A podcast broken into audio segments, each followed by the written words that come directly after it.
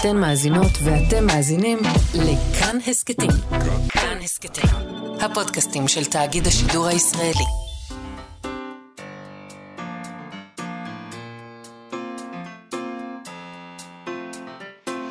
מה שכרוך עם יובל אביבי ומה יעשה לה. שלום, צהריים טובים, אנחנו מה שכרוך, מגזין הספרות היומי של כאן תרבות, שבוע טוב. אנחנו כאן בכל יום ב-12 בצהריים בשידור חי, אתם מאזינים לנו ב-104.9 או אולי ב-105.3 FM. אפשר גם להאזין לנו כהסכת באתר ובאפליקציה של כאן ובכל יישומוני ההסכתים.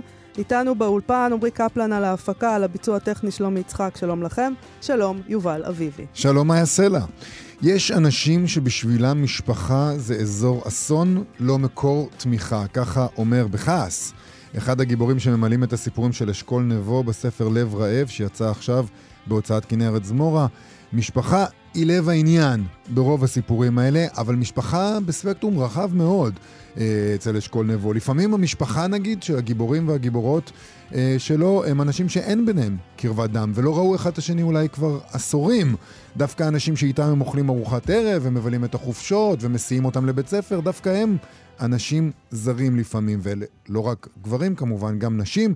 אשכול נבו מעמיד את הגיבורים והגיבורות שלו בסיטואציות שנדמות בנאליות, אבל הן הרות גורל, משנות חיים. ואולי זה האמת. האמת היא שהחיים שלנו, החיים הפשוטים והרגילים שאנחנו מנהלים, הם באמת איזה מין עשור כזה, אזור אסון. אזור אסון. שדה מוקשים. שלי כן, אני לא יודעת לגביך, אני מודה. אתה הולך, אתה הולך, אזור אסון. ולהכין סנדוויצ'ים בבוקר, פתאום נהיה איזה משהו. שיש לו, לו מין תפנית כזאת שהורסת את הכל, או מעלה את הכל. Uh, בספר, אני, מצד שני, אני חושב שיש הרבה אמונה באהבה. חיפוש מתמיד ועיקש שלא מוותר אחרי אהבה, גם בגיל מבוגר. גם אם זה אומר שצריך לנטוש ולפרק את הכל בשביל האהבה הזאת, דווקא בשלבים של החיים שבהם נדמה שכבר צריך להיסגר הכל, כבר הכל כזה לקראת כן, סיום. הכל נסגר עליך, ועוד שנייה אתה נחנק פשוט. אה, אז מפרקים, אבל נדמה, גם ב- בשלבים שבהם אתה כבר עושה איזה סיכום כזה של אה, זה מה שעשיתי, אז פתאום אתה מתחיל מחדש. אשכול נבו אחד הסופרים הפופולריים והאהובים שכותבים בעברית, זה הספר העשירי שלו, אחרי ארבעה בתים וגעגוע, הצימר בגבעתיים, נוילנד, המקווה האחרון בסיביר וגבר נכנס בפרדס.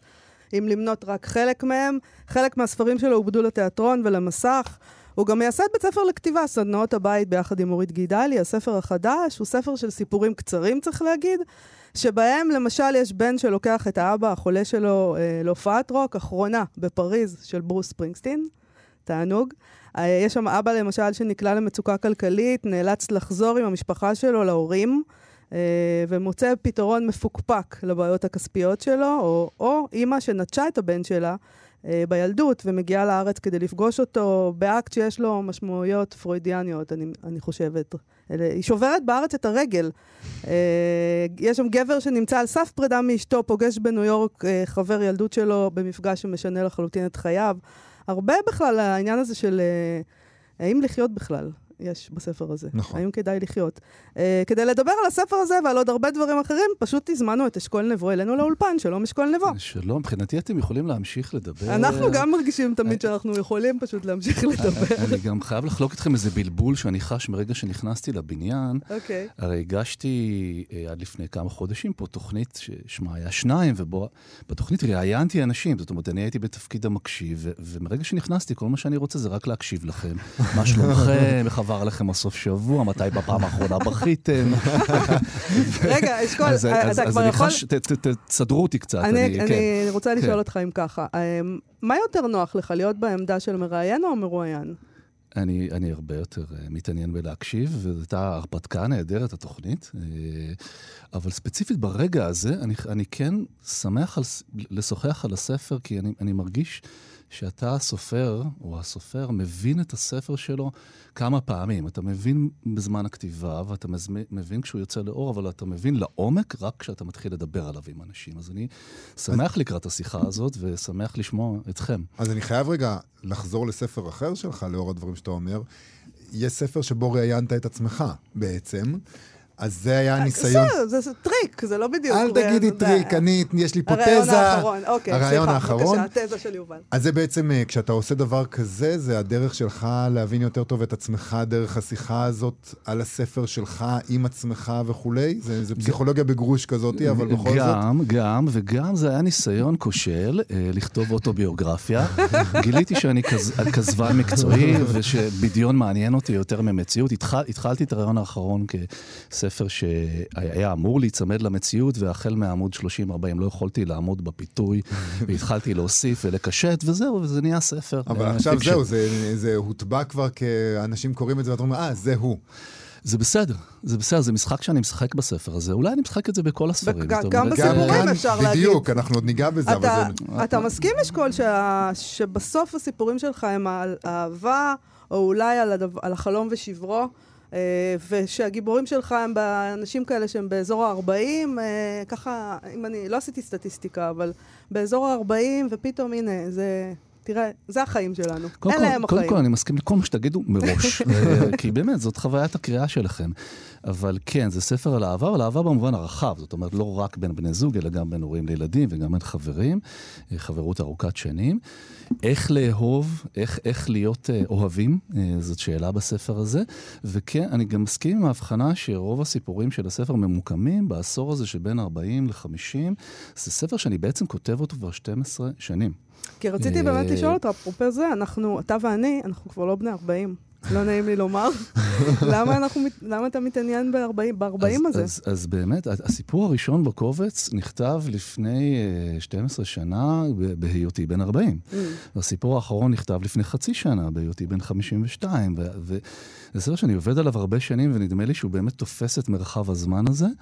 וזה גם נקודת זמן, נדמה לי, שאתה אתה נמצא באמצע החיים, אתה יכול לזכור היטב. אתה מחובר עדיין מאוד חזק לנעורים שלך, אתה לפעמים מחובר אליהם דרך הילדים בכלל, אה, ואתה, ואתה גם רואה את הסוף. זאת אומרת, אתה רואה את הסוף דרך ההורים, ואתה רואה את הסוף דרך אנשים שלידך שמגיעים אל הסוף. אז, אז אם, אם, אם זה מה שחשתם בזמן הקריאה, שזה ספר שמותח את תחושת הזמן קדימה ואחורה, אז, אז דייקתם. ולספר הזה קוראים לב רעב, והגיבורים, נכליל, אני חושבת שהם רובם ככולם, לב, הם רעבים. הלב שלהם רעב. כן, הם רעבים, אני חושב שהם רעבים פעמיים.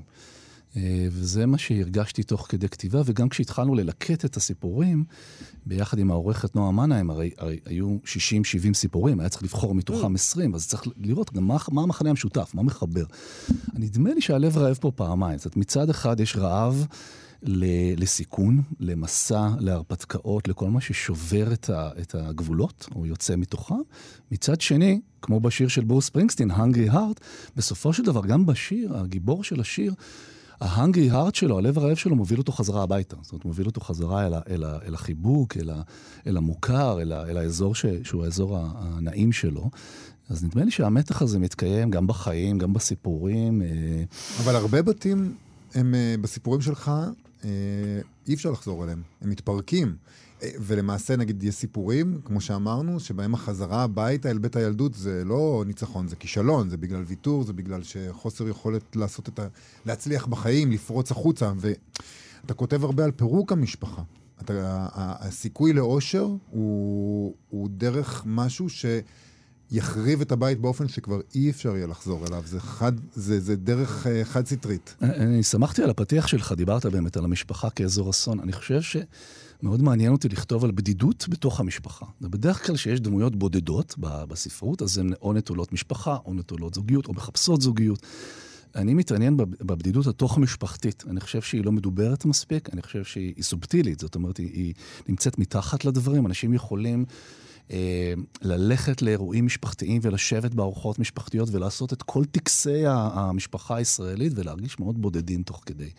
אה, ועל זה מעניין אותי לכתוב. אני ממש חוזר לזה שוב ושוב בספרים שלי, והבחנת נכון, יש פה לא מעט סיפורים, שבהם המשפחה היא גם אזור שמנסים להחזיק אותו, ומצד שני מרגישים בתוכו אבודים. אנחנו מרגישים אבודים ובודדים כי בעצם הגיבורים, ואולי זה אה, דבר שמאחד את הגיבורים שלך, הם חיים אה, במין מסלול כזה, אתה יודע, לפעמים אתה, אתה רואה, אתה יודע, יש גם הרבה טכנולוגיה. בסיפורים שלך. אז לפעמים אתה רואה את הדבר הזה, כאילו, אני הייתי אמור לחיות את החיים האלה של האינסטגרם, נכון? של המשקאות ושל המיקונוס, ו- ובחורות בביקיני, וגברים בחוטיני, לא יודע מה, מה שהולך לכם. ובמקום זה, אני עובד ב-9 to 5, בפריפריה ישראלית, עם אישה שאני אוהב, אבל... Uh, היא, אנחנו כבר מכירים אחד את השני המון שנים, והילדים הם בסדר, אבל הם לא, אתה יודע. וההורים הם אחלה, הם נחמדים אליי, אבל... וכאילו, אנחנו כולנו חיים באיזה מין מסלול זה שהוא... פשוט החיים, זה לא איזה משהו נכון, מיוחד. אבל אתה אומר לעצמך, יש אנשים שהחיים שלהם זה להיות ברוס ספרינגסטין, יש אנשים שהחיים יש שלהם... אחד כזה, נכון. שהחיים לא, שלו זה יש להיות גם ברוס מיילי ספרינגסטין. סיירוס, ויש אה. גם טיילור סוויפט, ויש גם ברוס... אה, אה, אה, ברוס ספרינגסטין כבר אמרנו. יש המון אנשים, יש את התדמית הזאת של איך החיים אמורים להיות, משהו נורא מסעיר. משהו מלא הנאה, משהו מלא כסף, מלא הצלחה, מלא הגשמה, ורובנו חיים בוורסיה מאוד מינורית של הדבר הזה. יש פה שני פערים, אנחנו לאט לאט מדייקים אותם. אחד זה באמת הפער בין מה שרצינו ודמיינו ומכרו לנו לבין מה שקורה, והשני זה הפער בין מה שאנחנו מראים כלפי חוץ לבין מה שאנחנו מרגישים באמת. הזכרת כסף. ולחץ כלכלי זה משהו שנוכח אה, מאוד חזק בשני סיפורים בספר הזה, ואני חושב שהוא נוכח מאוד חזק בחיים של אה, אנשים היום אה, במקום שלנו וגם במקומות אחרים, ופחות כותבים עליו, פחות מדברים עליו, ועניין אותי ממש להיכנס לזה במלוא החריפות. למה? כי כסף זה, יכול כי, לפרק כי, הכל? כי כסף זה, זה כאילו לא ספרותי, זה לא פיוטי, אבל זה מניע את החיים של האנשים. כשאתה מצוטט לשיחות של אנשים ברכבת, שזה משהו שאני עושה, כי זה המקצוע שלי, אני מצוטט לשיחות של אנשים, אז בדרך כלל יהיו, יהיו שני נושאים עיקריים. אני עכשיו בא אליכם מנסיעה כזאת. אחד, זה סכסוכים משפחתיים, זאת אומרת, היא אמרה לי, היא לא אמרה לי, היא לא קנתה את המתנה לראש השנה, למה לא התחלקנו? והשני זה כסף, כסף ונדל"ן, וזה זה, זה מעסיק אותנו מאוד, ואיכשהו הספרות כאילו לא נאה לה להתעסק בזה. אז בספר הזה, אה, מכיוון שזה קורה סביבי כל הזמן, נגיד אם ניקח את הקורונה כדוגמה, בקורונה, מה שקרה, לפחות בסביבה הקרובה שלי, אנשים קרסו קודם כל כלכלית בכלל. זאת אומרת, לא, לא הבינו איך הם מתפרנסים ומפרנסים. אה, ואז... בסיפור לימונדה אני מסתכל על זה, זאת אומרת, מה, עד כמה רחוק ילך הזוג כדי להביא לחם על השולחן לילדים. זאת אומרת, כמה, ומה זה יעשה לזוגיות גם. וגם בסיפור אחר פה, על המורה אחרי, הש... ו... כן, אחרי השקיעה. אחרי השקיעה, תודה. אז גם יש, הוא הלך כאילו רחוק, והיא נורא מזדעזעת מה, מה הוא עשה בשביל להשיג כסף. הוא... למרות שאם הייתי אשתו, זה לא היה מזעזע אותי. רגע, אולי להגיד. צריך- מעניין, לא, לא, לא היית שיפוטית כלפיו. לספר, לספר כן, לא, חייבים לספר חייבים למאזינים. בזהירות ספר רבה, אני אספר. אני אספר בזהירות רבה שזה זוג שנקלע למצוקה כלכלית, ואז כתוצאה מהמצוקה, ואת זה כן אפשר לגלות, היא אומרת לו, אין ברירה, יש רק פתרון אחד, אנחנו צריכים לחזור לגור אצל ההורים שלך.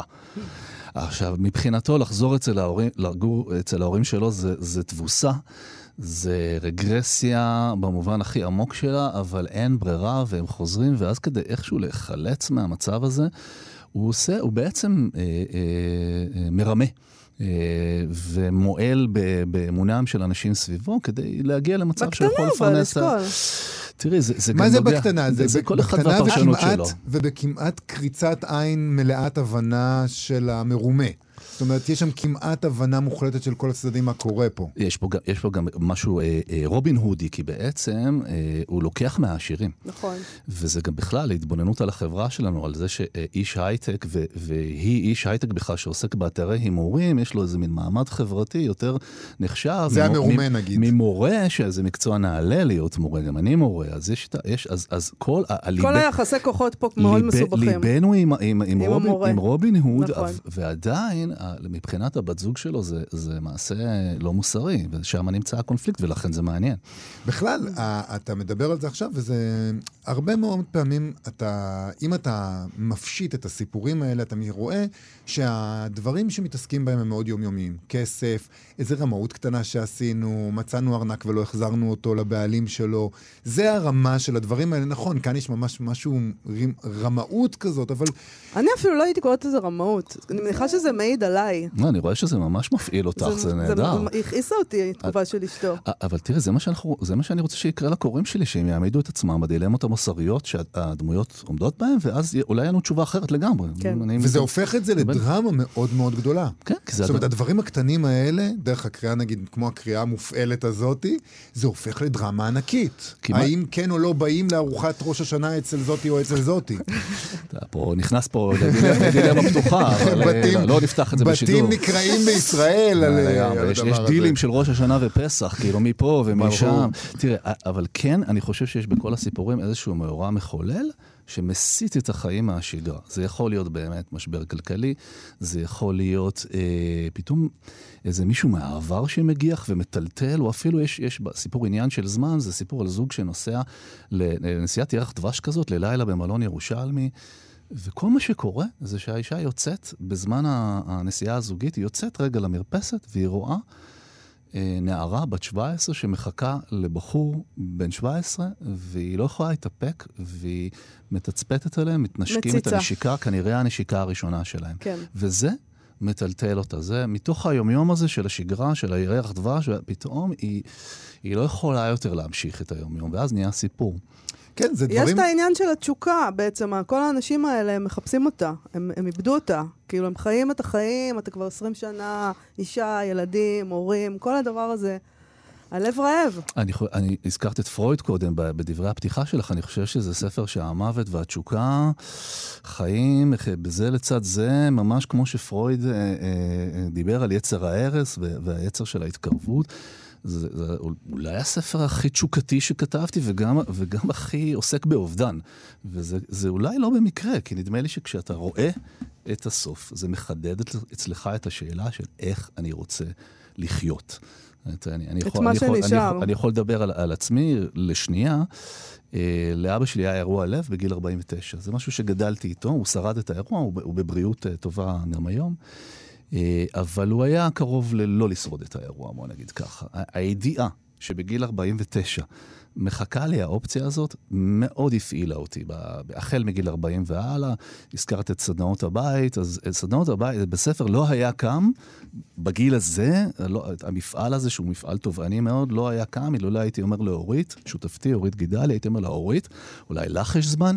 לי אין זמן.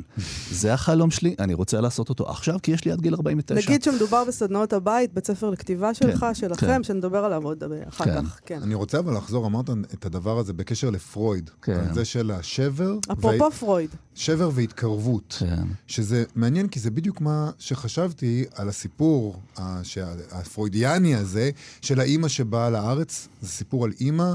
אה, מתנכרת בעצם לבן שלה, שבאה לארץ אה, לבקר אותו פעם ראשונה, היא חיה בחו"ל, אבא שלו מגדל אותו פה בישראל, והיא באה לבקר אותו פעם הראשונה, אחרי שהיא לא ראתה אותו מאז שהוא היה בן חצי שנה, והוא כבר בן 15-16, נער, ואז כאן היא שוברת את הרגל.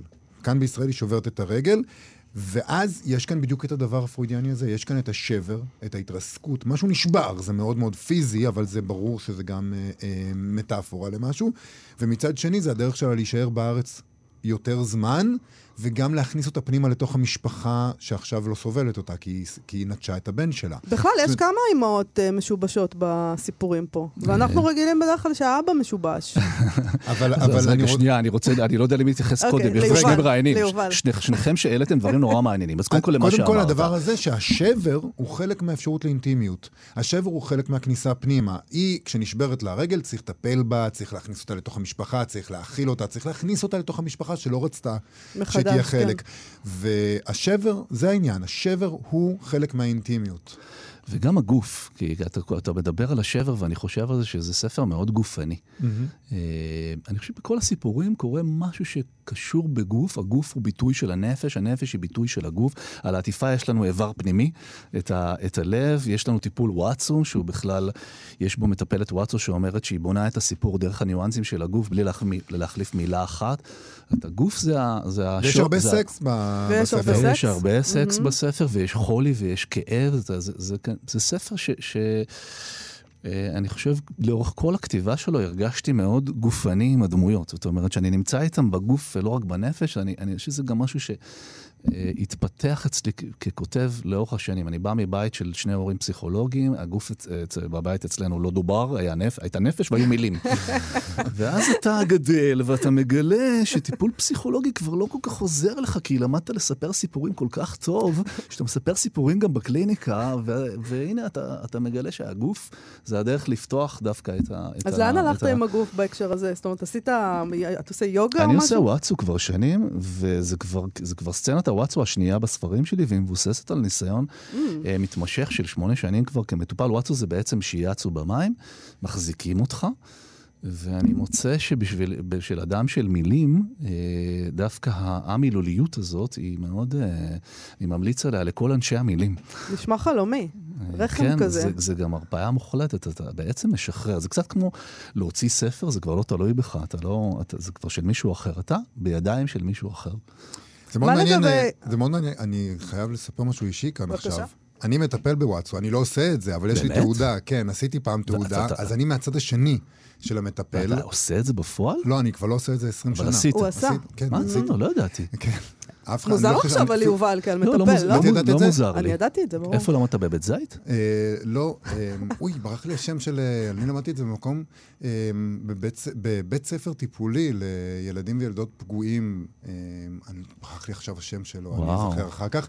אבל זה מאוד מעניין, הדבר הזה שאתה... כי תדע לך שגם המטפלים חווים את אותו דבר. אני החלטתי להתחתן עם אשתי כשטיפלתי במישהו במים, למשל. רגע, מישהו אחר, לא בא. לא, מישהו אחר הייתי במהלך טיפול, ופתאום הבנתי משהו. זה מרתק, תשמע. מה הבנת? שצריך uh, להתחתן. שצריך להתחתן. Uh, ואז חזרתי הביתה עם בקבוק יין, הצעה, הצעת נישואים הכי פר שאפשר לזה. אבל זה, אני חושב שהגוף הוא הסימן הכי טוב. הגוף הוא האיתות הכי טוב שיכול להיות לנו. גם בכתיבה, אגב, גם בתהליכי כתיבה. אם, אם אני, תוך כדי כתיבה של ספר שלי, פה זה לא קרה, כי זה סיפורים קצרים והכל נורא דחוף והכל מאוד אינטנסיבי, אבל רומנים שעמלתי עליהם, חלקם לא פורסמו בצדק. איך, איך ידעתי שאני לא בספר הנכון? הגוף מתחיל לבטא עייפות. אתה מוצא את עצמך מנקר על הספר של עצמך, ואתה הסופר. וזה סימן, הרבה, זה סימן שאתה לא כותב את הדבר הנכון, וקשה מאוד להגיע לזה דרך uh, מחשבה ומודעות, זה רק מהגוף יכול לבוא הסימנים האלה. אתה יודע, זה מעניין, כי אנחנו הזכרנו את העניין הזה של הסקס, ויש הרבה סקס בספר, וגם שם... אה, הגופניות היא לפעמים דבר מאוד נשגב וטהור, ויש שם, אה, ויש שם מין מאוד מאוד יפה ו- ומחובר, שפשוט, אבל מצד שני הוא גם לפעמים כלי, הוא לפעמים משהו אה, שממש משתמשים בו ועושים איתו דברים שלכאורה אנחנו אומרים לעצמנו, אה, לא בשביל זה זה נועד, אבל בעצם גם את זה כולנו עושים, נכון? אנחנו משתמשים בגוף שלנו ובמיניות שלנו בצורה מסוימת. אני שמח שהרגשת את המורכבות הזאת, כי אני חושב שזה מה שגם אני מרגיש וגם אני רוצה לבטא, זאת אומרת, בעולמנו. אה, ולפעמים אני רואה באמת ייצוגים של סקס שהם, שהם קיצוניים מדי לשני הצדדים. זאת אומרת, בעולמנו זה יכול להיות חלק... ממניפולציה, זה יכול להיות משהו בזוי, אה, כשזה בא כחלק מאיזה סחר אה, בין, בין בני זוג או לא בין בני זוג, בין אנשים שהם... וזה יכול להיות דבר שהוא הביטוי המזוקק ביותר של רגש, כש, כש, כששני אנשים נפגשים ב, בזמן הנכון ומצליחים לתת אחד לשני את, ה, את הדבר הנפלא הזה, אז, אז זה נפלא, וראוי גם לייצג את זה. אז, אז, אז גם זה וגם זה נמצא בספר. וזה גם יכול להיות הרבה דברים באמצע. למשל, יש איזה סצנות בספר שלך, שאתה כותב, שהם עשו שהסקס היה חזק מכרגיל. עכשיו, זה בסדר לשני המשתתפים, אבל זה שם. העובדה ששניהם הגיעו לסיטואציה שבה זה צריך להיות אחרת, שבה זה צריך להיות יותר כוחני. אין שם, אין שם אלימות כלפי אחד שני, אבל, אבל הסקס כן. הוא אחר. אני ממש שמח ש... ששמת לב לאספקט הזה בספר, ושאתם גם שואלים אותי את זה, כי איכשהו אנשים מתביישים לשאול, זה, זה בפירוש ציר משמעות בספר, תשוקה, משיכה, סקס, אה, האופן שבו זה מפעיל אנשים, האופן שבו זה בא כתגובה לזה שאנחנו מרגישים את המוות מתקרב, זה נמצא, נמצא לגמרי בסיפורים. אני חושב שצריך, אה, אה, אנשים מתביישים או לשאול, ולפעמים גם מתביישים לכתוב על זה, אני מרגיש את זה בסרטונות כתיבה מאוד, את הבושה, את, ה, את הפחד מהדודה שתקרא ומה יגידו. 2023, וה... איך זה יכול להיות? זה, זה חלק מהחיים, בואו נכתוב על זה. טוב, אה, אנחנו בחרנו היום שירים אה, שהם מתוך הספר, כי הספר יש בו מלא מוזיקה. אנחנו עוד מעט נדבר על המוזיקה בספר, אבל בוא נשמע את ברוס פרינגסטין, לב רעב, בתור ברור, התחלה. ברור. בבקשה.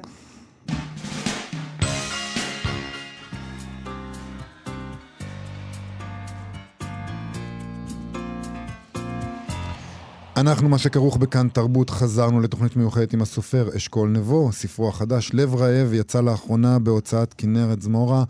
בואו נדבר רגע על המוזיקה. שמענו עכשיו את ברוס פרינגסטין, אה, השיר הזה מופיע בספר כמובן, אבל גם הרבה שירים אחרים.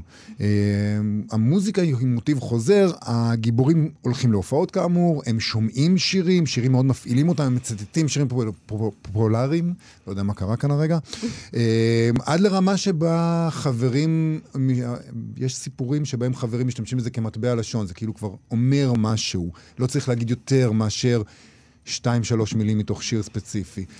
כמו לא- בחיים.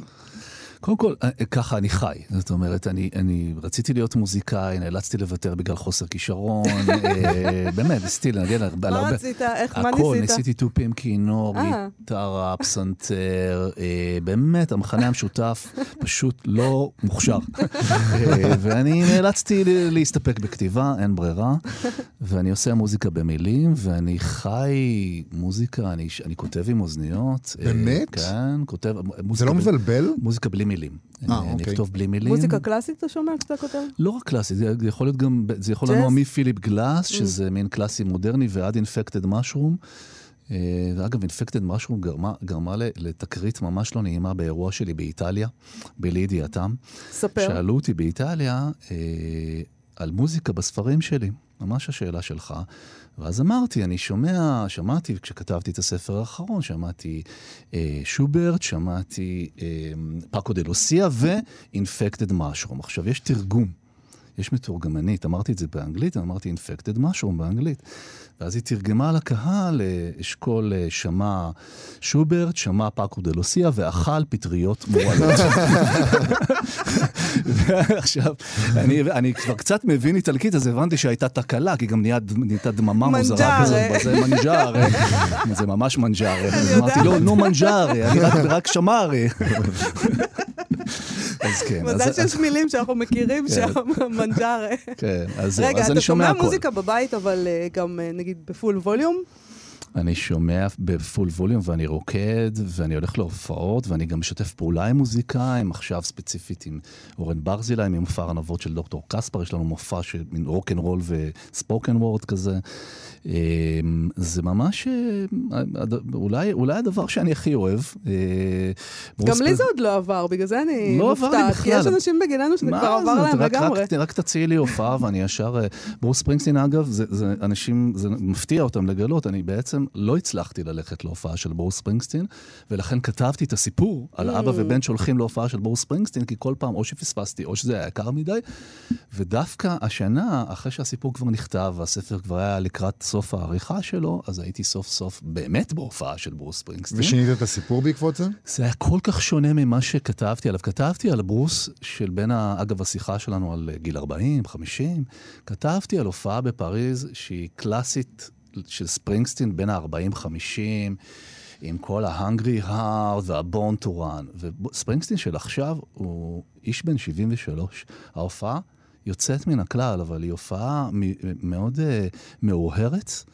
אה, עם פרספקטיבה של גבר בן 73 שמסתכל אגב, על כשראיתי החיים שלו. קטעים מההופעה הזאת, שלחו לי חברים שהיו, והוא נראה מדהים. הוא נראה מדהים הלוואי על כולנו, נכון. אבל הוא בפירוש מסכם את חייו לאחור. וגם אני, אני הייתה לי תח- תחושה שהוא נפרד ממעריצה, והשיר האחרון זה I'll see you in my dreams, כי אני, Mm. אני אראה אתכם בחלומות, אתם תראו אותי בחלומות. אז כן, יש, אה, יש, זה, יש דמיון בין ההופעה, זאת אומרת, יש שוני בין ההופעה שאתה מדמיין לבין ההופעה שאתה... אבל. שינית את הסיפור לא, בעקבות זה? שלא נגעתי, שינית? לא נגעתי נגעת. במילה בסיפור, כי הוא אוקיי. נכתב על ספרינגסטין הזה, על בין ה-40-50. אוקיי, אני רוצה לחזור לשאלה ששאלתי קודם על על אימהות. כן, יש אימהות כן. מאוד מאוד משובשות בחלק מהסיפורים. אה, נוטשות, מה זה? זה לא סתם אימא חצי לא טובה או משהו. זה אימהות קשות, מאוד. ואמרתי, ואני אגיד שוב, בדרך כלל אנחנו לא מדברים ככה, כי אימהות זה קדוש, אנחנו קדושות, זה ידוע. ואבות זה הבעיה, אתם הבעיה בדרך כלל. גם אבות יוצאים לו משהו בחלק מהסיפורים. כן, אבל. זה רגיל. אה, זה היה ברגיל, כן, נכון. אבא זה בעיה. תראי, באופן כללי, הורות, ההורות בישראל היא מקודשת, הילדים, הם, הם, אה, אתה שם אותם על איזושהי מדרגה גבוהה, ו, וכל הקשיים של ההורות לא מדוברים, ואנשים הם, בעיקר משוויצים בשיחות בילדים שלהם, ובכמה הם נהדרים, או הילדים נהדרים. נכון. כל הנושא הזה של, של קשיים בהורות ושל כישלונות בהורות הוא נושא כמעט טאבו במדינה שלנו. ואני כותב עליו כי אני חושב גם שזה מעניין וגם שזה חשוב, ואולי באמת אפילו יותר נועז לכתוב על קשיים של, של אימהות. אה, כשכתבתי על דבורה ב, בשלוש קומות, זה שופטת שבעצם בעלה אומרת, אומר לה, תבחרי ביני לבין הילד. הרי רוב הנשים... פעם אפילו עשיתי את הטעות ועשיתי סקר בקהל בין הנשים. אם הייתם צריכות לבחור בין הבעל לבין הילד, במי הייתם בוחרות, התשובה הייתה כל כך מעליבה כגבר, שאני לא עושה את הסקר הזה יותר. זה תש- שבילד. 99 אחוז. ברור. זה לא אומר שזה באמת. ודבורה, ודבורה, נכון, כי זה היה, אנחנו נכון, צריכות יש הטעיה, להגיד ככה. נכון, כן. דבורה בוחרת דווקא בבעל, ואני זוכר את התגובות כשהספר הזה יצא, כמה היה קשה לאנשים, היית- הייתה גם אחר כך הצגה בבית לסין, וכמה היה קשה לאנשים לקבל את זה. אז אני חושב שזה זה אחד מהדברים שספרות עושה, היא נוגעת עם, ומאירה בפנס את המקומות האפלים, זה, זה מעניין אותי, אני חושב שזה ימשיך לעניין אותי כל עוד אני גם הורה פעיל שחווה את הכישלונות האלה גם בעצמי.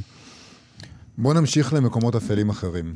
כן. אה, פוליטיקה, פוליטיקה. אני מתענג על ההליכה. למקומות אפלים. בסדר, גם הפוליטיקה. לא, אני. גם רוצה לדבר על פוליטיקה, בכיף. אז כן. אה, הפוליטיקה מבליחה לרגעים מאוד קצרים.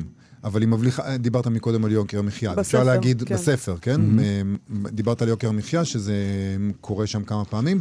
זה לא כל כך פוליטי, אבל היום, אני חושב, כבר, כשקוראים על יוקר המחיה ועל קשיים כלכליים בספרות, אז מיד אתה, זה נהיה אין פוליטי דבר כבר. יותר פוליטי ממחיר הלחם. נכון, אבל זה גם מגיע נגיד אה, בדיון על הזכות להגדרה עצמית של העם היהודי, לעומת העם הפלסטיני באחד מהדיונים בספר. שאני אה, אני רוצה רק לעצור אותך רגע, זה לא סתם אחד הדיונים, זה כפר זה שאול. דיר יאסין. זה כפר שאול, כן. אבל, זאת אומרת, הוא- הגיבור מתאשפז בבית חולים פסיכיאטרי בעצם, ו- ועל הרקע הזה, זה... כן, של מי הבית הזה? של מי זה? של מי הבית הזה? ויש כן. גם דמויות שאומרות, לא, אה, זה שלנו, מותר לנו להגדיר את עצמנו גם כן, אפילו שאנחנו הגענו וכבשנו והכל, עדיין זה שלנו, מותר לנו להגדיר את עצמנו כאן. אה, וזה מופיע נגיד גם בביקור בדרום אפריקה, שם מגיעה המילה, המילה הזאת, היא מגיעה אפרטהייד, שזה כמובן שם, אבל זו מילה מאוד טעונה בישראל גם, וגם המחאה. יש סיפור אחד שאתה כותב בספר על המחאה, אתה כותב, בסוף ראיתי, אמ, ראיתי אותך בהפגנה, בש... אה, אותך או אותך? אותך או אותך? לא, שם, זה אותך. אותך, כן. סליחה. בהפגנה השבוע אה, בירושלים ניסינו באותה שבת לשאוב השראה מההפגנות בהונג קונג ולהיות כמו מים. כלומר, לא להתעמת עם המשטרה, אלא לזרום לצדדים בכל פעם שאנחנו נתקלים בה. היה מחסום משטרתי במורד רחוב אגרון. השוטרים עמדו שם עם המגינים והקסדות והאלות, מוכנים לעימות, אבל אנחנו זרמנו שמאלה. לתוך גן העצמאות, ואז כשנתקלנו בעוד שוטרים זרמנו כמו מים לתוך בית קברות קטן. אה, ואז, כשקבוצה של שוטרים חיכתה לנו ביציאה מבית הקברות, זרמנו ימינה לכיוון כיכר החתולות וכך הלאה וכך הלאה. אתה מתאר את זה. אה, אירוע שהוא ללא ספק פוליטי, כן? גם... כן, זה בלפור. זה הפגנה בבלפור. זה הפגנה בבלפור. כן. רגע, אבל לפני שנגיע ל, ל, למחאה עצמה, אני רק נגיד שהמחאה כאן היא בשביל סיפור אהבה. זאת אומרת, אפילו זה האותך הזה שהיא ראתה, זה גבר שהיא לא ראתה הרבה שנים, ופתאום הוא מגיע ב... בהפגנה ורואים אותו, ואז זה מעוד- מעודד אותה ליצור איתו קשר מחדש. זאת אומרת, אפילו הדבר הזה הפוליטי, בסופו של דבר מוביל לאפשרות הזאת לפרק ב'. אני, אני תמיד אה, נראה, ממש משחר כתיבתי, ממש מארבעה בתים וגעגוע, אני סקרן לגבי המתח שיש בין הציבורי-פוליטי לבין החיים הפרטיים. הפעפוע הוא שמעניין אותי.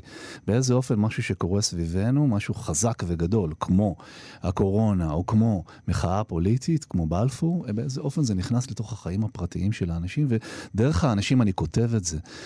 עכשיו, חלק ממה שאתה מדבר עליו הוא, הוא במודע, זאת אומרת, אני יודע שאני נכנס לאזורים האלה בספר, אה, אני יודע שאני אני שם רגע את המבט גם על תהליכים חברתיים, וחלק מהדברים זה ממש רוח הזמן שנכנסת לתוך הכתיבה בלי שאתה אתה שם לב לזה אפילו. זאת אומרת, רק אחרי שסיימתי את הספר, או כשסיימנו לערוך את הספר, שמתי לב כמה מהסיפורים עוסקים באנשים ש... לחיות במקום אחר, מסתכלים מן המקום אחר לכאן, ישראלים שכבר עזבו, ישראלים שחוזרים. וזה לא היה לגמרי במודע, זאת אומרת, זה, זה, זה כנראה בגלל שבזמן שבו נכתב החלק האחרון של הספר, אלה השיחות ששמעתי סביבי. נדמה לי שכולנו שומעים את השיחות האלה כל הזמן, על הדרכון הפורטוגלי ועל הבית, הבית ביוון ועל האופציה של אופציית הנדודים, שהיא טמונה ביהודים ובישראלים ככה באופן אינהרנטי. אני באופן אישי, אין לי בכלל שאלה בנושא הזה, אני מאוד מכאן ואני לא יכול לחיות במקום אחר, והמחשבה שאני אצטרך לחיות במקום אחר מעלה בי, ממש, זה מכניס אותי ממש לחרדה. אני איתך, נשאר פה. אני, אבל לא, באיזה, יש איזה תנאי שאתה תלך, או שאנחנו לא, נשאר פה אין, פשוט? אין, שום, אין תנאי, אני פה ואני נלחם על המקום הזה ועל, ועל דמותו. גם אם יקרו הדברים הכי איומים שמאיימים עלינו? אני לא רוצה בכלל לדבר על זה, מרוב שאני בתוך המאבק. אבל זה, בתוך המחאה הנוכחית, אתה איבדת את קולך, אתה קול מאוד בולט במחאה הזאת. אתה לא מפחד? אה, קודם כל, זה מעניין, אגב, העניין, השאלה שחשבתי על זה, שעל המחאה הנוכחית למשל, אני עוד לא יכול לכתוב, כי כן צריך פרספקטיבה. קורים דברים מרתקים, אה, סיפורים מרתקים סביבי כל הזמן, ואני צריך עוד מרחק מזה, כמו שהייתי צריך את המרחק מבלפור כדי לכתוב על זה. אז אני לא יכול לכתוב על זה, ואני מתבטא ונואם וכותב מאמרים, ו... אמ, אני מרגיש שממש אין לי ברירה. אה, אין לי ברירה גם כי המקום הזה מאוד יקר לי, וגם כי אני מרגיש שהדור שקדם לנו, חלקו לא איתנו יותר. זאת אומרת, אנשים שנשאתי אליהם עיניים כ, כ, כסופרים שהביעו את דעתם במרחב הציבורי, בזה אחר זה הם, אה, הם הלכו מאיתנו. נכון. ואני... יש פה איזה כיסא ריק. של הצופה לבית ישראל, ואתה אולי לא מתיישב עליו? זה, וואו, אתה לקחת פה משהו ממש גדול. אני, זה, לפעמים, זה הרבה יותר קטן מזה, זה כשמזמינים אותך לנאום, אתה אומר, אין עכשיו מישהו, אין מישהו אחר כל כך שיעשה את זה, כן. ולכן אני ברוב המקרים אגיד כן, זאת אומרת, אני אגיד כן, אני בא... אבל יש לך ו... חשש כזה שאתה אומר, אני חשש... יכול לאכול אותה לא, מחלק אה, אה, מהקוראים? אני, ש... אני, לא, אני יודע שיש לזה מחיר, אני מוכן לשלם את המחיר, בטח כשאנחנו נמצאים בימים שבהם הערכים הישראלים הכי בסיסיים, הממשלה הזאת מרסקת אותם או מנסה לרסק אותם, ואני לא חושב שאין לי, לי ספקות. אני כן כל הזמן מרגיש את המורכבות. שיש ב... ב, בלעמוד על במה של אה, הפגנה ולומר דברים נחרצים ביודעך שבסופו של דבר, אחרי שאני מקווה שהמאבק הזה יסתיים בכך שהדמוקרטיה הישראלית אה, אה, תעמוד על כנה, בסופו של דבר אנחנו צריכים לחיות פה עם כל הסוגים של האנשים שיש במקום הזה. צריכים להיות אמפתיים, קשובים, מתפשרים גם, זה, זה, זה, אז, אז שם, שם נמצאת הדילמה שלי, הקונפליקט ב... שלי. אתה כתבת בעיתון הארץ, התנועה הבסיסית שלי כסופר היא להזדהות. התנועה הזאת של ההזדהות כל כך בלתי נשלטת, שאפילו בחודשים האחרונים המכתבים, אני מוצא, מוצא את עצמי מזדהה לרגעים באופן בלתי צפוי, עם מי שאני לא אמור להזדהות איתו. כלומר, הדבר הזה שלא להיות... אנחנו רק פה אנשים כמונו. יש גם אותם, וגם אותם אנחנו רואים. אני, תראי, אני גם הזכרתי את סדנאות הבית. הפרויקט של סדנאות הבית הוא פרויקט, הוא מיזם ארצי. זה אומר שאני מסתובב, כי אני מבקר כמעט בכל סדנה, כאורח, או לפעמים אני גם המנחה, אני מבקר בכל הסדנאות, ואני, ואתה לא יכול שלא לראות את כל הסוגים של האנשים שבאים לכתוב, ואיך הכתיבה מחברת ביניהם. אז זה גם הופך אותי לאופטימי, זאת אומרת, יש לי המון תקווה בגלל השנים האלה של סדנאות הבית, וגם אתה מבין איפה, איפה, ממה החברה הזאת מורכבת וכמה זה מסובך, אפילו להושיב בחדר אחד אנשים בשביל לכתוב, ועל מה מותר לכתוב, ועל מה אסור לכתוב, ומה קורה כשיש טקסט אירוטי בכיתה, הזכרת 아, אירוטיקה. אה, כן? יש עניינים עם זה? יש, ברור שיש עניינים. יש לפעמים אה, אנשים שקשה להם לעמוד בזה ו- ויצאו מהחדר, ויש הרבה גיבורים שיישארו בחדר רק כדי לשמור על כבודה של הבן אדם המקריא, לא לפגוע בו, ואתה רואה אותם מסמיקים, אנשים דתיים, אתה רואה אותם מסמיקים, ואתה רואה אותם נבוכים, הם גם לא השתתפו. ישתתפו במשוב, אבל הם לא יקומו כדי לא להעליב, אז הרגישות הזאת גם... זה בסופו של דבר האתגר שלנו. האתגר שלנו זה לחיות ביחד. אה, הממשלה הספציפית שיש עכשיו, בתחושה שלי, היא באה לפרק. ולכן אני מתנגד לה בצורה נחרצת, ולכן אני גם מוכן לשלם את המחיר ולדבר בהפגנות. אני בסופו של דבר, אבל אנחנו נצטרך פה חיבורים ולא הפרדות. אני לא, אני לא מאלה שמפנטזים על, אה, על הפרדות ועל... זה נראה ישראל ויהודה. אה, חצי מהחברים שלי ביהודה, זה לא... אני לא, אני לא בעניין. בטקסט הזה שמאיה ציטטה ממנו, שפרסמת בהארץ, כתבת שיצירה משותפת יכולה ליצור אחווה ועתיד כן. משותף. אז אולי זה בדרך לסדנאות טיפוליות, אגב, הוואטסו וכל הדברים האלה, סדנאות טיפוליות בין תומכי הרפורמה למתנגדי ההפיכה. נושיב אותם בחדר כתיבה. ביחד. סדנאות כתיבה, כן. קודם כל זה כבר קורה, זאת אומרת, בעצם סדנאות הבית זה, זה מיזם שבמהות שלו רוצה לקדם סובלנות וקשב, וזה התחיל מזה שראינו שזה קורה בחדרי כיתה גם בלי שתכננו. אנשים מתקרבים ופתוחים ואמפתיים הרבה יותר ממה שהם נכנסו לחדר כשהם יוצאים מהחדר. אז זה קורה, ואני לגמרי מאמץ את הרעיון שלך, אני חושב, ב- ב- ב- ב- בישיבת החזון שעשינו לפני חודש, דיברנו על זה. זאת אומרת שהמציאות כרגע היא כל כך קרועה וכל כך מפולגת, ש, שזה המקום שאנחנו יכולים להיכנס, אנחנו יכולים להושיב אנשים בחדר ביחד ולראות אם הם מצליחים למצוא את המכנה המשותף דרך זה שהם בסופו של דבר כותבים על אותו פצע.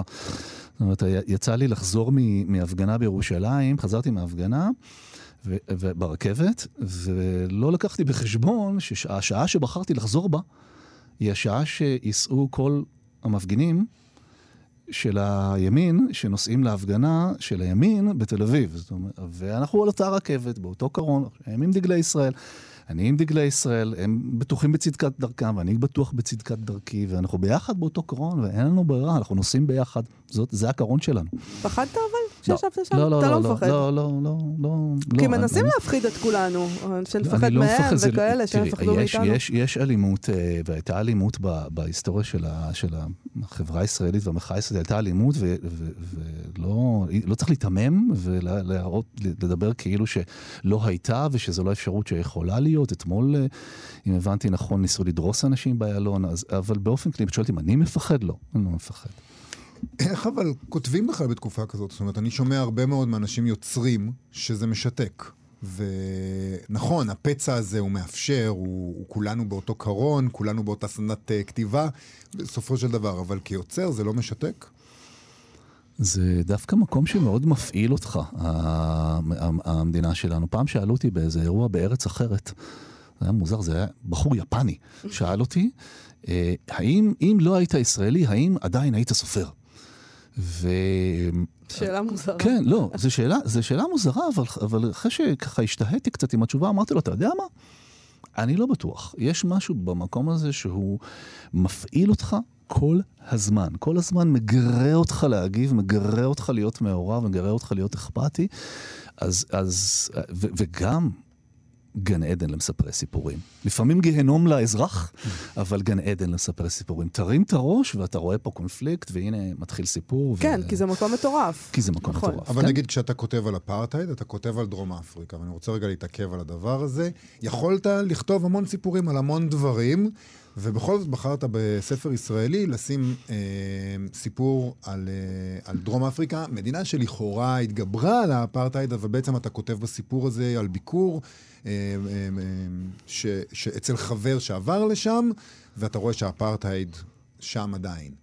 זאת אומרת, אה, האפרטהייד קיים גם כשלא קוראים לו אפרטהייד, גם כשהוא אמור להיות בעבר שלך ולא בהווה שלך. תראה, אני עושה פה שימוש בטכניקה ספרותית שאני בטוח שהיא לא זרה לכם, והיא הזרה. זאת אומרת, זה... אני מרחיק עדות כדי שנוכל להתבונן מחדש באופן רענן על המקום שאנחנו נמצאים בו. אף אחד, אגב, בסיפור הזה לא יוצא נקי. לא הישראלי שמבקר, לא האישה שמתנדבת בארגון וויני מנדלה, וגם לא הישראלי שחי ב... ב- אמ, ביוהניסבורג ומתייחס בצורה שלא נפרט פר- כרגע, כי זה חלק מהסיפור, ל- ל- ל- לעוזרי הבית השחורים שלו. ו- וזה נגיד, אנחנו מדברים על לד- אמ, לדבר במחאה, לכתוב בעיתונות. זה לא מפחיד אותך לשים את המילה הזאתי, המילה הכל כך טעונה הזאת, שאסור להשתמש בה? אבל בשביל מה יש ספרות אם לא בשביל להיות אה, נועז? זה, זה, זה, זה המגרש שאנחנו נמצאים בו. אנחנו רוצים לה- להעז, אנחנו רוצים לשאול שאלות, אנחנו רוצים לאתגר. אה, כל השאלה השאלה של זה לא מפחיד אותך, היא, היא אני לא... זה לא שאני לא מפחד בכלל לפני ספרים, ברור, יש המון פחדים, אבל זה לאו דווקא מתוכן שיהיה קשה מדי לאנשים, או מהתקוממות של אנשים קוראים מול סיפור, זה יותר אה, באזורים של האם אני אפגע במישהו, או האם עשיתי את עבודתי נאמנה, או האם הצליחו להבין את מה שרציתי להעביר. מה עם ביקורת? אתה. מפחד מביקורת? לא כל כך. אה, לא תמיד, זה, זה לא שביקורת לא נעימה היא, היא, היא קלה, ולפעמים היא ממש לא קלה, ולפעמים היא אפילו יכולה לפגוע ולקומם, אבל לפחד מביקורת בזמן הכתיבה, אני חושב שזה ממש עיוות של לא, העניין. לא, אבל עכשיו, כשיצא, כשיצא הספר. פחות, פחות, פחות. אני חושב שאני באמת... אה, קהל קוראים מאוד גדול, אה, לשמחתי, והקהל הזה, אגב, הוא, הוא, הוא גם מפרגן מאוד, אבל הוא גם בפירוש ביקורתי כשיש לו מה להגיד. אה, אז נגיד בסוף השבוע הזה, היה סוף שבוע של הרבה תגובות מאנשים, זה היה מאוד משמח. אז, אז הייתי גם בחתונה וגם בהפגנה. ובחתונה ניגשה אליי, אה, חתונה של ילדים של חברים, ניגשה אליי מישהי ופשוט... דיברה בהתרגשות מאוד גדולה על הסיפור סימנים כחולים, אה, שהזכרת על דייב ויונתן, על משפחה כאזור אסון, והיא דיברה ממש, והרגשתי שזה נגע בה באופן מאוד עמוק, אז זה היה בחתונה, ובהפגנה ניגשה אליי מישהי להתלונן על הסופים של הסיפורים שהם פתוחים מדי לטעמה. אז אני מקבל... נכון, אתה משאיר אותם אני, קצת פתוחים בחלק מהפעמים. נדבר על הסופים? אני אוהבת את זה, אבל אה, אנשים רוצים שתגיד להם מה קורה בסוף, אה? אז אני, אני משאיר אותם לחשוב. אני חושב שזה טוב שסיפור יהדהד. לא רק זה, אלא שאין סוף כל עוד הם לא מתים. אז, אז איך אפשר לדעת לדעת מה הסוף. הם לפעמים... עדיין חיים, וזה נמשך. זה תלוי בסיפור, לפעמים, לפעמים, כמו בסיפור האחרון, פעמונים, מתאים סוף שהוא סוף בהחלט, שנותן איזה, איזה צלצול פעמון ש, שמסיים את הכל בצורה ברורה, ולפעמים... לפעמים אבל נדמה לא. לך שהסוף הוא ברור, ואז אתה קורא את הסיפור עוד ואתה אומר, אה, רגע, יכול להיות... יכול להיות שלא. יכול להיות הפוך לגמרי ממה שחשבתי כן, בקריאה הראשונה. כן, אה, זה, זה בחירה שאני עושה, אני עושה את זה שוב ושוב, אני גם יודע שאני הולך להסתבך, אני, כמו עברי לידר, אני מתמסר לרצונות שלי להסתבך. אני יודע שרוב הקוראים... רוצים סוף סגור. אני יודע שאנשים מגיעים אליי עשר שנים, זה כבר לא עשר, זה 12 שנה אחרי שנוילנד יצא להתלונן על הסוף של נוילנד שהוא פתוח מדי לטעם. אני יודע ואני עושה את זה בכל זאת, כי כנראה שאם הגעת 12 שנה אחרי שקראת ספר למפגש עם סופר כדי להגיד משהו על הספר, כנראה שהופעלת. כן, זה עדיין כן. מטריד אותך, מה כן, קרה להם? כן, כן. אה, אז בוא נדבר לקראת סיום על, ה, על המצב הזה, מצב הספרות ומצב הסופר. כן. כי באמת לך יש די הרבה קוראים. אה, אבל זה לא המצב של רוב הסופרים, ומצב הספרות בכירה, אפשר לומר. אין, אה, אנשים לא קוראים יותר, ככה אומרים לנו. רב-מכר היום, אני מניחה שהספר שלך יהיה רב-מכר, אבל זה לא אותן כמויות כמו שפעם, לפני עשר שנים, היה רב-מכר. אני מניחה ש... אני לא יודעת איך זה אצלך, אבל אצל רוב הסופרים זה ככה. קודם כל, אני מקווה ש... ש... כשאנשים מגיעים. לרכוש את הספר שלי בחנות, אה, בדרך כלל זה במבצע אחד פלוס אחד, ואני ממש מקווה שהם ירכשו ספר של סופר שהם לא מכירים. אני חושב ש... אנשים, יש להם נטייה לקנות uh, ספר של uh, סופר שהם בוטחים, וזה, ובעיניי, אם אתה עושה אחד פלוס אחד, תמיד תיקח ספר של סופר שאתה לא מכיר, ויש ספרים נפלאים שנכתבים ב, בישראל. אני אקח דווקא ספר של, של מישהי שהיא לא תלמידה שלי ולא, ולא תלמיד שלי, כי אם אני אבחר ספר של תלמיד או תלמידה, וואו, אוי, וואו, כן. הסתבכתי. אז תהילה חכימי היא לא תלמידה שלי, והיא כתבה ספר שנקרא יריתי באמריקה, והוא פשוט ספר נפלא, שמאז שקראתי אותו, אני, אני רוצה ש... כל פעם שאני פוגש, אני אומר, אתה חייב לקרוא את זה, כי באמת, יש, יש ספרים נהדרים שנכתבים פה, והם ראויים לתשומת ליבם של הקוראים. מסכימה על תהילה חכימי. אני מסכים על תהילה חכימי, אבל כן. פשוט אומרים לנו, אה, אומרים שני דברים. חלק מהפעמים אומרים, אה, כבר לא קוראים יותר, וחלק מהפעמים אומרים, כן, יש פחות או יותר את אותו מספר קוראים, אבל יוצאים הרבה יותר ספרים, אז אותו מספר קוראים מתחלק על, פחות, על יותר מדי ספרים. ובסופו של דבר, ספר נתון, הסיכוי שלו להיקרא על ידי המון המון אנשים, הוא מאוד קטן כבר בישראל. כבר לא מאה אלף ספרים. אני לא יודע, ככל שאתם מדברים, זה עושה לי בעיקר חשק להמליץ על ספרים. כי באמת, במקום אה, ככה... אתה לא רוצה לקונן על המצב. הנהי של המצב, אני אמליץ על עוד ספר שקראתי, וגם הוא לא של תלמיד שלי, כי נזכרתי ככה, שני הספרים שאולי באמת ככה נותרתי אל מולם אה, באמת בהתפעלות השנה, אז יש ספר של ישי שריד שנקרא מגלי החולשות. הוא עוסק בבחור בוגר אה, יחידת מודיעין, שכולנו יודעים מה המספר שלה. אה, והוא אה, את היכולות האלה לוקח לתחום העסקי, ושם זה מסתבך, וכתיבה מאוד מאוד מאופקת. זה ספר שאני בוגר של, של חיל המודיעין בעצמי, וזה ספר שלא לא ישנתי בגללו כמה ימים. כי הוא הזכיר לי דברים וגרם לי לחשוב וטלטל אותי, אז יש באמת ספרים נהדרים, אז בואו מקשיבים לתוכנית שלכם, לכו נהדר... תקנו את הספרים. אולי ו... ניתן לו פינה לאשכול של המלצה על ספרים. ספר כן. שבועי. לכו תקנו ספרים של סופרי מקור, זה חשוב. אני רוצה אה, לשאול אותך, אבל שאלה אחרונה. כולם עדיין רוצים לכתוב בישראל?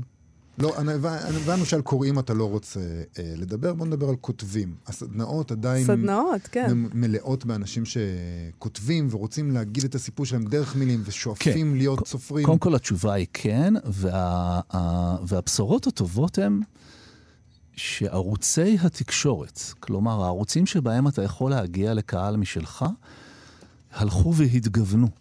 כשאני הוצאתי את הספר הראשון שלי ב-2001, המתווכים, כלומר הוצאות הספרים, היו השליט היחיד והבלעדי של הסיטואציה. לא רצו לפרסם אותך, לא, היה לך אפשרות, לא הייתה לך אפשרות להגיע לקהל. יש לנו בוגרת בשם לימור רגב, שהוצאות ספרים בארץ לא רצו לפרסם את הספר שלה, שעוסק בהצלה של ילדים בשואה. אמרו לה ששואה זה לא מוכר. והיא הלכה והוציאה את הספר שלה לבד באמזון, תרגמה לבד את הספר שלה, ומכרה 30 אלף עותקים מהספר שלה באנגלית באמזון, צועדת בראש אה, צמרת המצעדים של, של, של הספרים בז'אנר הזה. אז אני אומר, יש, כן, יש בהחלט, יש, בה, יש מצוקה בענף הספרים בישראל, ויש כן. גם המון דרכים היום להגיע לקהל. אה, דרך רשתות חברתיות, וזה, וחוץ מזה, לכתוב זה לא רק בשביל לפרסם, לכתוב זה כדי להיות אה, מחובר לעצמך, זה המיינדפולנס הכי טוב שאני מכיר. זה קרוב, כמעט, זה כמעט כמו וואטסו, זה כמעט, ממש. טוב, אשכול נבו, תודה רבה שבאת אלינו. לב רעב, הספר החדש שלך יצא בהוצאת uh, כנרת זמורה. תודה, תודה רבה תודה לכם, אני גם רוצה, אני רוצה להגיד תודה, תנו לי עוד משפט אחד, תודה. בבקשה. איזה תענוג זה, שעה שלמה לדבר ספרות. ולצלול לתוך ספר, ו- ולעומק כזו, תדעו לכם שגם בשביל סופר זו חוויה מיוחדת וחשובה. תודה רבה תודה, לך. תודה, אשכול. אמ, נגיד uh, תודה רבה לעמרי קפלן על ההפקה, לשלומי יצחק על הביצוע הטכני. Uh, נזמין אתכן ואתכם לבקר בעמוד הפייסבוק שלנו. את uh, רוב השירים לא שמענו, נכון, אבל בכל זאת, עם מה נסיים? עוד בוא אחד. נסיים עם אתניקס. בואי נסיים עם אתניקס. טוב. מה, אכפת לך? לא. זה לא היה אמור להיות השיר שאנחנו מסיימים אותו, אבל הוא שיר מאוד חשוב, השיר הזה ב- בספר. אה, אז נסיים עם אתניק ונגיד שוב, תודה רבה. אשכול נבו, לב רעב, הספר החדש שלך, להתראות לכולם. להתראות.